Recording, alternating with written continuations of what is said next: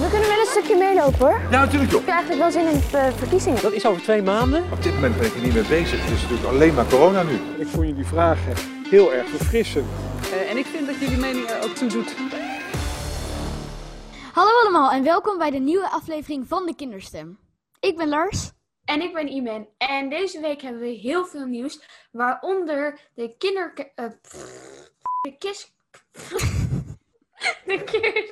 De kinderpersco... Nou... Kinderpersconferentie. Ja, applaus voor Iman! Yay! Uh, en wat hebben we nog meer, Lars? Wat hebben we nog meer? Ook hebben we twee interviews klaarstaan. Namelijk met Sigrid Kaag en onze special guest van deze week, Splinter Chabot. Wow, waarom Splinter eigenlijk? Nou, Splinter is erg betrokken bij de politiek. Oké. Okay. En hij is, doet natuurlijk ook Wie is de Mol. Zeker. Ja, maar dat heeft toch niks met politiek te maken? Ja, maar Charlotte Nijs deed ook Wie is de Mol. Ja, nu maar zij ma We maken gewoon het rijtje af. Oh, dus misschien hebben we de, halen we er nog wel nieuws uit. Misschien wel. Mm. Wie weet, wie weet, wie weet. Gaan we proberen. hey, wat is jullie deze week opgevallen? Heel veel verschillende dingen, waaronder dus de uh, kinderpersconferentie met Hugo de Jonge en uh, Mark Rutte. Ja. En uh, op, de, even kijken, op de woensdag waren scholieren en studenten aan het protesteren in Den Haag, omdat ze willen dat de universiteiten en de middelbare scholen weer open gaan. En op dinsdag was er een rechtszaak tegen de Nederlandse staat over de avondklok. Dat het niet goed onderbouwd was, omdat het blijkbaar geen noodwet was. Uh, dat het niet echt noodzakelijk was, dus dat de wet door de Tweede en door de Eerste Kamer had gemoeten. Zo oordeelde de rechter. Dus uh, de Nederlandse staat is in hoger beroep gegaan, maar tot aan het hoger beroep uh, geldt de avondklok nog steeds. En wie daarop reageerde, onder andere, dat was Geert Wilders. Hier zien we hem. Die zag er een beetje bijzonder uit. ja. Hij zei zelf dat hij zich geschoren had. Ja, maar ja, dat weet je natuurlijk nooit. Eigenlijk denk ik dat hij gewoon uh, was gaan schaatsen. Maar het, hij is niet gevallen? Ja, misschien bij het schaatsen. Want dat werd er ook gezegd. Dat hij, hij kon niet zeggen dat hij gevallen was, want dan heb je een gevallen lijsttrekker. En dat klinkt, klinkt natuurlijk niet zo goed als je gevallen bent. Nou, dan valt de hele politiek, want het hele kabinet is ook al gevallen. En met de avondklok was ook een beetje, waren ze ook een beetje door het ijs gezakt. ja. Soort van. En er werd ook letterlijk door het ijs gezakt op de, op de Hofvijver. We kijken ja. even. We kijken even. Ja. ja.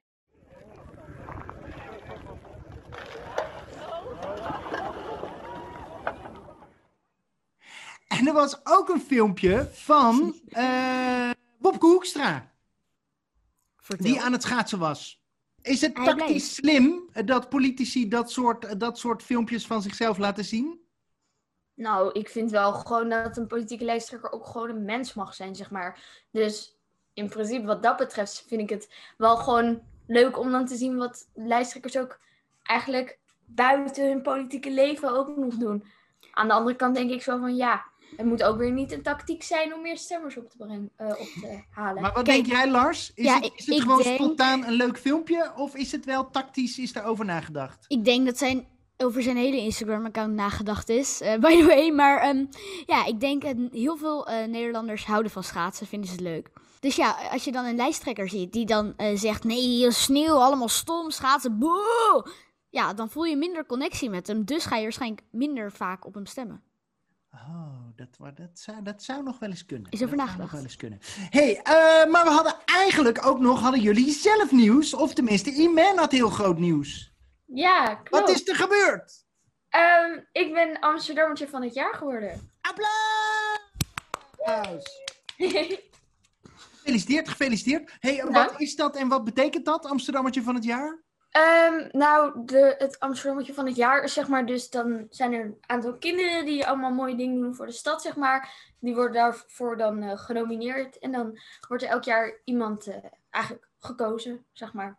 Oké, en jij bent gekozen. En waarom? Eh, ja, nou eigenlijk heel veel verschillende dingen. Zo heb ik eh, Jongplein 4045 opgericht om eh, samen met de buurt de buurt nog mooier en beter te maken. Ik heb in de eerste Amsterdamse kinderraad gezeten. Ik zit in het 4 en 5 mei comité van Plein 4045. En natuurlijk de kinderstem ook natuurlijk. Hè. Woe! Yeah! en dat doe ik allemaal om kinderen een stem te geven en me in te zetten eh, voor gelijke kansen tegen hokjes, denken, discriminatie en racisme. hey, en wat heb je gewonnen? Een, een, een beker. Oh. Die willen we zien dan natuurlijk. Hij is heel groot. Wow! Oh. Oh, wat een vette. Daar kan aardig wat cola in. Oh, die is echt heel gaaf. Was die met snoep gevuld? Of, eh? Hm, Helaas niet. En is het een wisselbeker of mag je hem houden? Je mag hem houden. Vet. hey, ehm, welke, wat zullen we eerst doen? Zullen we eerst eh, Sigrid Kaag laten zien? Of eerst Maar we zijn nog één nieuwtje vergeten. Oh, moeten, hebben we nog meer nieuwtjes? Ja, namelijk eh, laatst eh, afgelopen week waren alle vrouwelijke lijsttrekkers te gast bij M. Waaronder Kaag. Oké. Hebben ze het goed Maar- gedaan? Heel opvallend, het waren er maar vier. Je had de Partij van de Dieren, PvdA, ehm SP en eh, D66. Ik vind het gewoon heel erg opvallend hoe weinig vrouwen er eigenlijk lijsttrekker zijn en hoe weinig vrouwen er in de politiek zitten. Het weet je, er, zoveel mensen zeg maar in deze samenleving zijn vrouw, maar toch zijn er niet zoveel vrouwen aan de macht. Dus ik vind dat daar zeker ehm, ja, meer actie over moet komen, zeg maar. Daar hebben jullie het ook met Sigrid Kaag over gehad. Ja. Zullen we daar even naar gaan kijken? Is goed. Dat is een hele goede vraag. Een hele slimme vraag.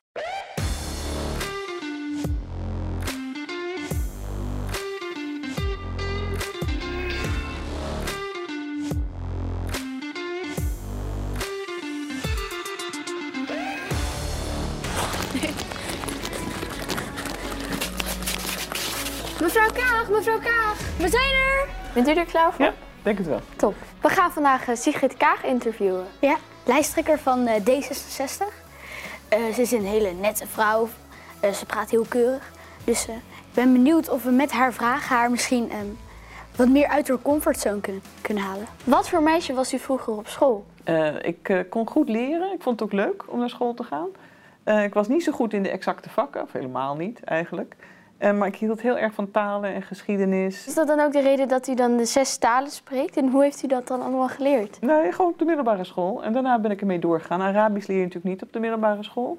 Ehm, en Spaans ook niet. Dat heb ik daarna geleerd. Maar ik heb gymnasium Alpha gedaan. Ja. En dan begin je met heel veel talen. En ik had ook wel een beetje een talenknobbel. Ja, ik ben zeker heel erg benieuwd naar haar. Omdat ze, eh, ik heb haar documentaire gezien waarin ze steeds zat... Nou, eh, weet je wel, de politiek. Nou, je moet je niet ambiëren om lijsttrekker te worden. En dan doet ze het toch. Dus ik ben heel nieuwsgierig naar wat dan haar, die reden eigenlijk is. Ja. Wilde u vroeger ook de baas zijn? Of is dat later een beetje gekomen? Nee hoor, volgens mij vond ik het fijn om ergens verantwoordelijk voor te zijn. En als je ouder wordt en je krijgt meer ervaring, je doet meer, dan merk je dat je het ook best leuk vindt. Maar ik hou heel erg van eh, dingen doen samen met andere mensen in een team. Ik heb ook altijd teamsporten gespeeld. en wat wilde u vroeger dan worden? Nou, eh, ik wilde geloof ik eerst eigenlijk liever arts worden. Maar eh, ja, ik eh, bakte er niks van van de schei en natuurkunde. Dus ja, dan, dan is dat snel eh, einde oefening. Ehm, en ik was altijd geïnteresseerd in de politiek. En ik had een soort interesse in ja, dingen die internationaal zijn. En ik had nooit een soort beroepsgedachte. Ik denk dat als zij premier eh, zou zijn, dat ze een goede wel zou zijn. Omdat ze, ja, ze heeft goede meningen, vind ik zelf altijd. Goede argumenten en eh, kan ze ook goed allemaal onderbouwen. U wilt nu eh, premier worden en ik heb sinds mijn achtste ook de droom om premier te worden. En misschien dan nu niet de eerste, maar misschien de tweede of de derde. En waarom zijn vrouwen eigenlijk belangrijk in de politiek? We zijn eh, 50% van de Nederlandse bevolking, van de wereldbevolking. En er is nog best wel eh, een achterstand in te halen voor eh, de zichtbaarheid en de erkenning van wat vrouwen allemaal kunnen. En ik denk dat het een heel mooie eh, boodschap is, juist voor jonge meisjes en vrouwen, dat ze gewoon hun nek moeten uitsteken. En het gaat er niet om of je het uiteindelijk haalt, maar je moet je passie en je interesse durven te volgen en je niks aantrekken van al die roeptoeters aan de zijkant waarom het allemaal niet gaat lukken. Dus daarin zijn rolmodellen ook heel belangrijk. Rolmodellen zijn daarin heel belangrijk. Want als jij meer vrouwen ziet, dan denk jij toch ook, hé, hey, dat kan ik ook. Ja, zeker. En ze zegt altijd zo van, ja, bij D66 is het tijd voor nieuw leiderschap. Maar eh, ik vraag me af, waarom is het tijd voor nieuw leiderschap? Was Rob Jetten dan niet goed? U zegt overal dat het eh, bij D66 tijd is voor een nieuw leiderschap. Maar was Rob Jetten dan geen goede leider? Oh, absoluut. Maar mijn, tijd, mijn, mijn nieuw leiderschap gaat niet over Rob Jetten. Dat gaat over eh, de, hoe ik leiderschap wil vervullen. ehm, en waarop ik verkozen hoop te worden. Dat betekent een keuze voor een moreel kompas. Duidelijke keuzes maken over een groen herstel. Dus de klimaatcrisis echt aanpakken. Eh, de armoede in Nederland echt bestrijden. en een eerlijker Nederland uit die coronacrisis zien op te bouwen. En dan vind ik dat, uh, dat je een andere partij um, voor moet verkiezen. En ik denk dat ik een ander leiders, leider ben dan bijvoorbeeld een Mark Rutte, die die baan prima heeft gedaan. Maar we zijn nu in een hele andere fase in Nederland en we moeten andere keuzes maken en die echt durven te maken. Dat is leiderschap. Het kan natuurlijk ook zijn dat zij dit nu zegt omdat ze, zij wil premier worden. En Rutte is nu al best wel lang premier. Dus het kan zijn dat ze zegt nee, het is niet gezond om zo lang premier te zijn. Omdat ze wil dat er een andere premier komt. En dan heeft, is zij natuurlijk een kanshebber. Het, het zou een tactiek kunnen zijn, maar ik denk dat als ik Kaag zo een keer op tv of zo zie, denk ik niet dat dat haar bedoeling is. D66 is een partij die ook wil dat de premier verkozen wordt. Dus het is niet aan de grootste partij om de premier te leveren. Wij willen graag dat een premier direct wordt verkozen door de mensen in het land. En dan is het helemaal logisch dat je zegt, nou, twee keer diezelfde persoon en daarna iemand anders, nieuwe ronde, nieuwe kansen. Goed voor het land. U heeft natuurlijk veel in het, in het buitenland gewerkt. En, en Nederland staat in het buitenland vooral bekend om kaas. Werd u dan ook wel eens Sigrid Kaas genoemd? Uh, nee, want daar moet je Nederlands voor spreken om dat te doen. Maar... Sigrid Fromage dan? Uh, nee, ook niet, want ze wisten het niet. Uh, ze noemden me altijd Sigrid. Het was natuurlijk altijd grappig, zo van, oh, is dat sigaret, et cetera. Nou ja, was ik als kind ook wel aan gewend. de, het kaaskopgrapje, nee, dat, dat is echt uniek Nederlands. Sigrid Kaag heeft een man uit het Midden-Oosten, dus haar kinderen hebben een andere achtergrond. Geven uw kinderen u wel eens advies? Altijd. Maar meer kritiek zou ik zeggen. ik beschouw het dan maar als, als leuke kritiek, goed bedoeld. Ze hebben natuurlijk ook, omdat ze overal op de wereld gewoond hebben, hebben ze best wel een blik ook van buiten. Um, ze zijn heel gevoelig voor uh, racisme en discriminatie in Nederland. Zij zien dat denk ik nog veel beter dan iemand van mijn leeftijd en ook mijn huidskleur. Dus ze houden me scherp en dat vind ik hartstikke goed. Zelf heb ik ook een andere achtergrond, dus waardoor ik uh, snel in een hokje word gestopt. Het lijkt mij zeker interessant om het daarover, uh, met haar over te hebben. We zien ook dat, natuurlijk, dat mensen met een migratieachtergrond vaak een lagere schooladvies krijgen, kinderen, door de scholen zelf. Of dat er wordt gedacht dat ze niet mee kunnen komen, terwijl ze dat prima kunnen. Uh, en dat moeten we natuurlijk heel erg blootstellen, maar op een manier dat iedereen zijn voordeel erbij kan doen. En er is ontzettend veel bewustwording nu, denk ik, bij veel docenten en in veel scholen en bij kinderen zelf, dat ze weten: hé, hey, hallo, ik heb altijd goede cijfers gehaald. Waarom word ik opeens naar de MAVO gestuurd? Wat prima is. Maar ik kan HAVO of VWO doen als dat zo is. Dus er, er gebeurt veel meer. En ik denk dat de leerkrachten die zijn er zelf ook veel meer mee bezig. Ik vond eigenlijk dat ze minder net was, om zo wat te zeggen. Ja, het is misschien ook wel iets van haar karakter. Ik denk dat we wel gewoon meer, ja, zoals we het altijd zeggen, Sigrid hebben gezien en wat minder Sigrid Kaag. Um, nu bent u natuurlijk uh, best wel keurig. Um, u praat heel netjes, heeft nette kleren aan. Maar uh, was u vroeger ook zo netjes? ik heb altijd op dezelfde manier ge uh, gepraat. Dat heb ik van huis geleerd. Uh, en um, ja, ik weet niet, zo netjes. Weet je, ik kleed me ook nu voor het werk. Ik ga zo een grote speech geven. En stel dat u premier wordt, hoe gaat u, er dan, um, hoe gaat u dan kinderen meenemen? Uh, de mening van kinderen, hoe gaat u die meenemen in uw beslissingen? Nou, dat is een hartstikke goede vraag. Ik ben als minister heb ik een, uh, een internationale jongerenconferentie georganiseerd. Dus het zijn natuurlijk een iets oudere groep. En ik wil sowieso me laten adviseren op vaste basis door, door jongeren, dat doe ik nu ook al als minister, om hun ideeën en adviezen mee te nemen. Dan gaan we natuurlijk nog een leeftijdscategorie iets meer jullie leeftijd, uh, 12 jaar oud. Want jij bent 12 ook, Lars? Nee, ik ben 13. En ik ben 12. Oh, jij bent 12. Oké, okay. ja, meisjes zijn altijd iets langer op die leeftijd. uh, ik was ook de langste van mijn klas. Um, dus dan, uh, dan kunnen we ook natuurlijk op die manier regelen. Want jullie hebben natuurlijk allerlei hartstikke slimme ideeën. Maar waar jullie over praten en wie jullie interviewen, dat doet ertoe. En wat moeten kinderen nou eigenlijk weten van D66? Wij zijn een partij die ervoor wil zorgen dat iedereen echt niet alleen een gelijke start krijgt, maar dat je alles kunt worden wat je wilt worden in je leven in Nederland. Wij zijn tegen discriminatie. We willen dat niemand lijdt onder racisme, discriminatie. Dat willen we keihard aanpakken. We willen ontzettend veel huizen bouwen. Voor ieders portemonnee zou ik zeggen. Is nu niet jullie probleem, maar de tijd gaat snel. Voor je het weet ben je 18, 19 en dan zoek je opeens een kamer. Die moet er dan wel zijn. En we willen natuurlijk zorgen dat Nederland groen wordt, echt groen. En dat jullie toekomst veilig is en zeker. En dat jullie niet gaan lijden onder de gevolgen van de klimaatcrisis. Want klimaatverandering gebeurt al elke dag. Het is nog niet zo erg als in andere landen, Maar als we er nu niks aan doen, dan zijn we te laat en dat gaat jullie het hardst raken. Bent u zenuwachtig voor de verkiezingen? Een beetje. Eh, ik voel me best verantwoordelijk voor het eindresultaat natuurlijk, want ik ben lijsttrekker. Eh, het is ook een, be- ook een stukje van jezelf. Het is persoonlijk. Eh, en er zijn ook heel veel dingen die ik ga doen die ik nog nooit eerder heb gedaan. Dus ja. En, en wat voor dingen dan bijvoorbeeld? Nou, bijvoorbeeld al die debatten. Ik keek er altijd vroeger naar. Ik vond het altijd super saai. Eh, en nu moet ik zelf meedoen. Dus het is wel een beetje eng. Ik denk juist dat ze het wel heel goed gaat doen bij de verkiezingen, omdat ze veel goede argumenten heeft en ook een sterke mening heeft. Ze weet ook wat er in andere landen gebeurt en hoe dat nou eigenlijk is, bijvoorbeeld eh, in een ander land. Dus ik denk dat ze die ervaring goed kan meenemen. Speelt u wel eens spelletjes op uw telefoon? Nee, mijn kinderen doen dat wel. Ik, ik, eh, ik heb er geen geduld voor. Ik heb de hele tijd berichten. Dat is mijn spelletje. Hoe vinden jullie dit nou om te doen?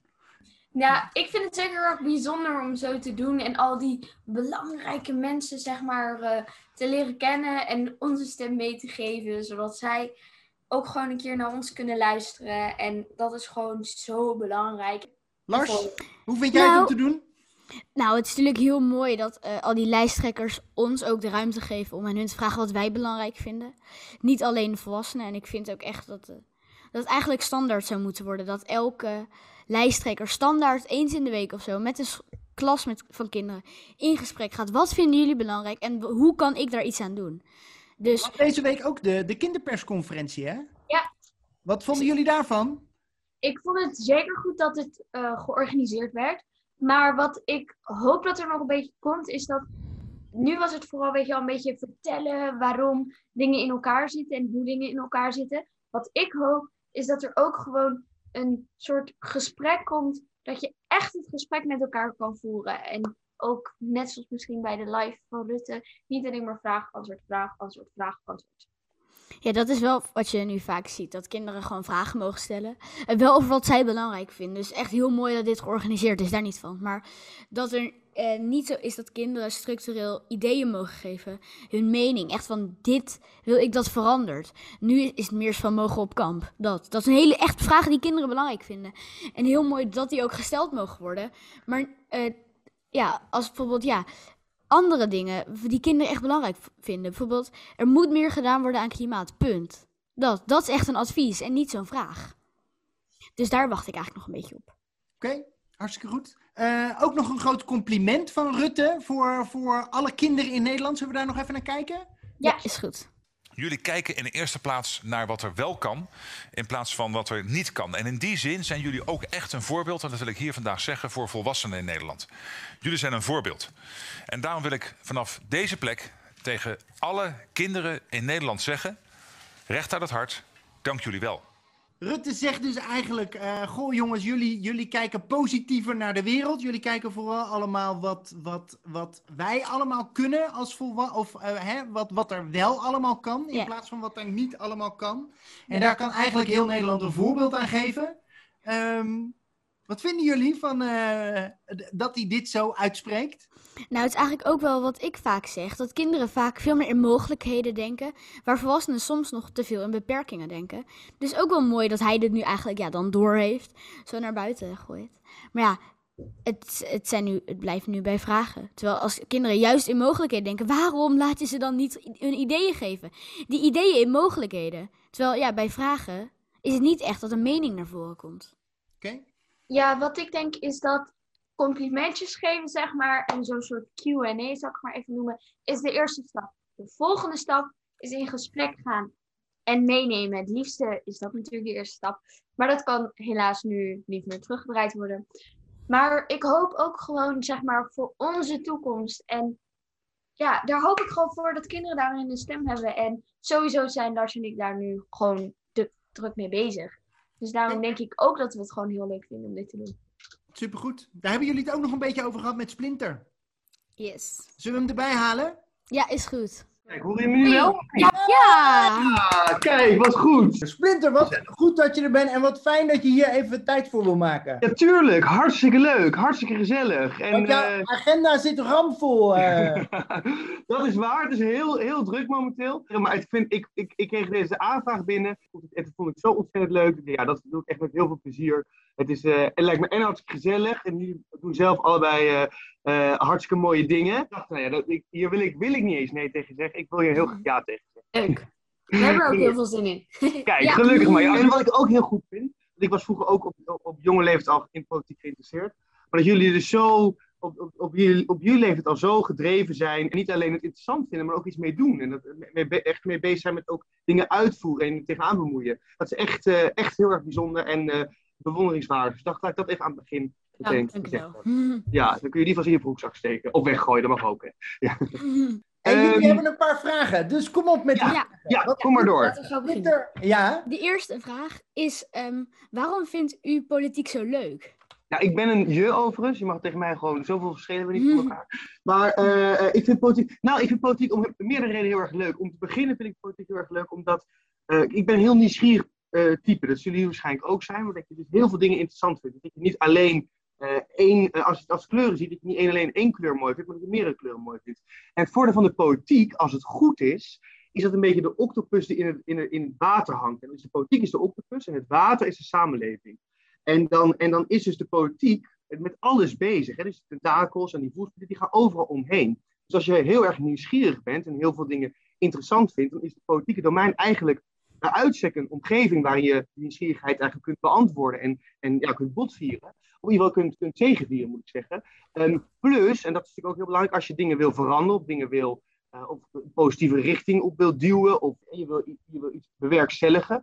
Ja, uiteindelijk, wat jij ook al net zei, Lars, is dat ehm, eh, dat, dat eigenlijk alleen in de politiek uiteindelijk gebeurt. En dat, dat daar de mensen aan de knoppen zitten. En of dat nou is in gemeentepolitiek of landelijke of Europese, Europese politiek. Daar is wel, uiteindelijk moet het daar vandaan komen. Dus ik vind dat, al die, die, die facetten daarvan, zeg maar, en al die verschillende onderdelen, dat vind ik gewoon heel erg interessant. En wat ik ook, en dat is ook een ander aspect van de politiek wat ik interessant vind, is hoe mensen, met, eh, als ze met macht te maken hebben en in zo'n systeem zitten, wat dat met hen doet en hoe dat de omgang beïnvloedt en hoe dat eh, mensen ook verandert. En dat is, want dat doet dat met mensen, hè, als ze over dingen kunnen beslissen en als ze nou, soms ook politieke spelletjes moeten spelen.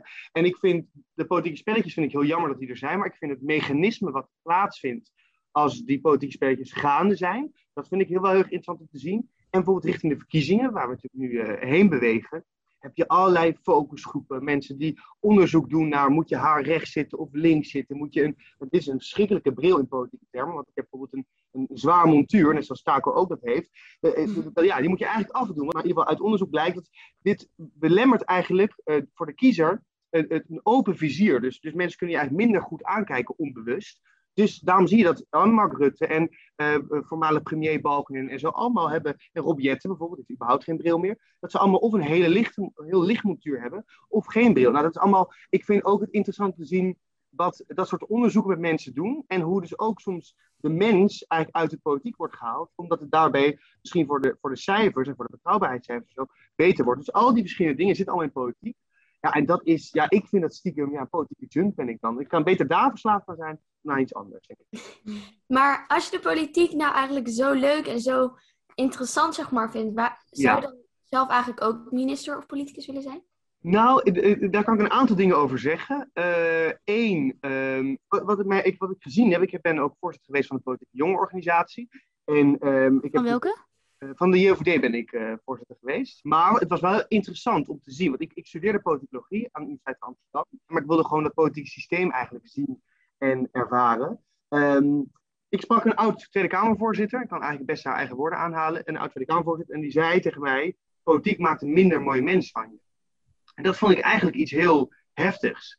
Eh, om, en, en toen vroeg ik ook waarom. En zei ze: Nou ja, in het systeem zit zoveel wantrouwen. Hè? Je moet soms als eerste met een idee komen. Eh, als je eh, aan de ander vast het idee verklapt of even mee spart, dan gaat die ermee vandoor. En dus dat, dat elkaar niet kunnen vertrouwen en niet durven vertrouwen. Dat zit elke dag eigenlijk in dat politieke domein. En het gevaar is dus, en al zou je dat niet willen, dat je dat ook in je eigen dagelijks leven meeneemt. Dus als je weggaat van, van den, uit Den Haag bijvoorbeeld, uit de Tweede Kamer, en je, en, je, en je rijdt naar huis of je fietst naar huis, dat je ook thuis, als je met je vriendinnen of met je vrienden zit, dat je daar ook dat, dat argwanende erin houdt. En zij vertelde dat het bij haar wel het geval was geweest. En toen dacht ik van ja, dat, dat vond ik iets heel heftigs.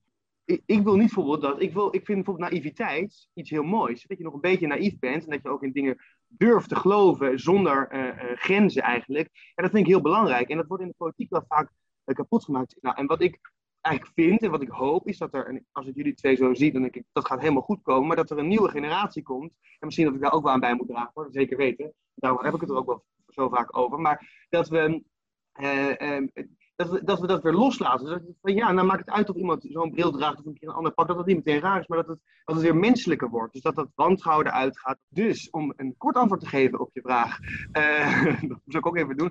Ik, ik heb nu niet per se behoefte om de politiek in te gaan, maar zoals je hoort zijn wel, heb ik wel ideeën over van wat ik denk dat er anders moet. Dus ik sluit ook nooit uit dat ik nooit politiek eh, op de- over, over een lange termijn zeg maar, eh, toch inhuppel. Maar nu moet ik zeggen, je kan ook politiek van buiten de politiek bedrijven. Hè? Dus Tim Hofman onder andere. En ik probeer onder andere met, ik heb een boek geschreven. En daar probeer ik ook, er zitten wel politieke boodschappen in altijd. Dus dat probeer ik op die manier alsnog uit te dragen. Ja. ja. Mogen we nog één vraag doen?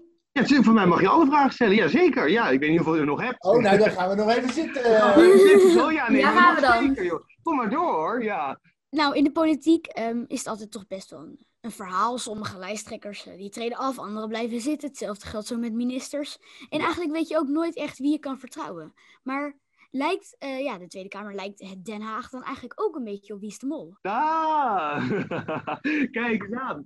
Eh, ja, eigenlijk wel. Want bij Wie is de Mol gaat het natuurlijk over het verleiden. En, en, en, en het is, nou, bedriegen klinkt dan wat zwaar, want het is natuurlijk wel een spel, dat moet ik even zeggen. Nou, bij Wie is de Mol is dat bedriegen en het liegen en natuurlijk de waarheid naar je hand zetten. Zo zou een politicus altijd zeggen, van nou, ik vertel mijn waarheid, of ik vertel een deel van de waarheid. Of als ze eigenlijk liegen, dat ze zeggen van nou, ik heb niet alles verteld, maar wat ik heb verteld is wel waar. En dat is deels ook bij Wie is de Mol zo. Dus dat is, in die zin lijkt politiek en Wie is de Mol wel op elkaar. Alleen moet ik wel één ding zeggen, bij Wie is de Mol is het natuurlijk echt puur entertainment en is het leuk. En bij de politiek gaat het natuurlijk wel echt over belangrijke dingen. Dus, zo. dus het, ik denk het politieke spel lijkt ehm, wel misschien voor een deel op Wie is de Mol. Alleen eh, vind ik wel heel belangrijk, Wie is de Mol is natuurlijk uiteindelijk maakt het eh, is natuurlijk leuk voor de kijker en ook voor, leuk voor ons om het te doen. Maar uiteindelijk gaat ligt er als het goed is niemand eh, wakker over twee jaar van goh, die ging er toen uit en weet ik veel wat. Maar in de politiek gaat het natuurlijk wel over, nou zeker de toekomst. Als daar niks gebeurt, als het maar te lang getraineerd wordt, zitten wij zo meteen, jullie generatie, maar ook mijn generatie, ja, hebben wij natuurlijk gewoon een probleem. Want de, de, de, de klimaatverandering moet aangepakt worden. Dus daar gaat natuurlijk wel, eh, eh, daar kan je geen vrijstelling voor winnen, laat ik het even zo zeggen. Mooie antwoorden. Zullen we nog één laatste vraag doen? Ja, tuurlijk, tuurlijk, ja zeker. Iman? Ja, ehm, de laatste vraag dan, hè. Oh, ja. Ga je nu vragen wie de mooi is? Nee hoor. Eh, Ja, moeten... doen, doen, doen, doen. Oh, oké. Ja. Moeten politici meer naar kinderen luisteren? Ja, vind ik wel. Ik heb ooit een gesprek gehad met Jan Terlouw. En die zei toen ook, eh toen schreef hij Boekenweek essays. Dat is denk ik inmiddels, was voor mij 2018 was dat.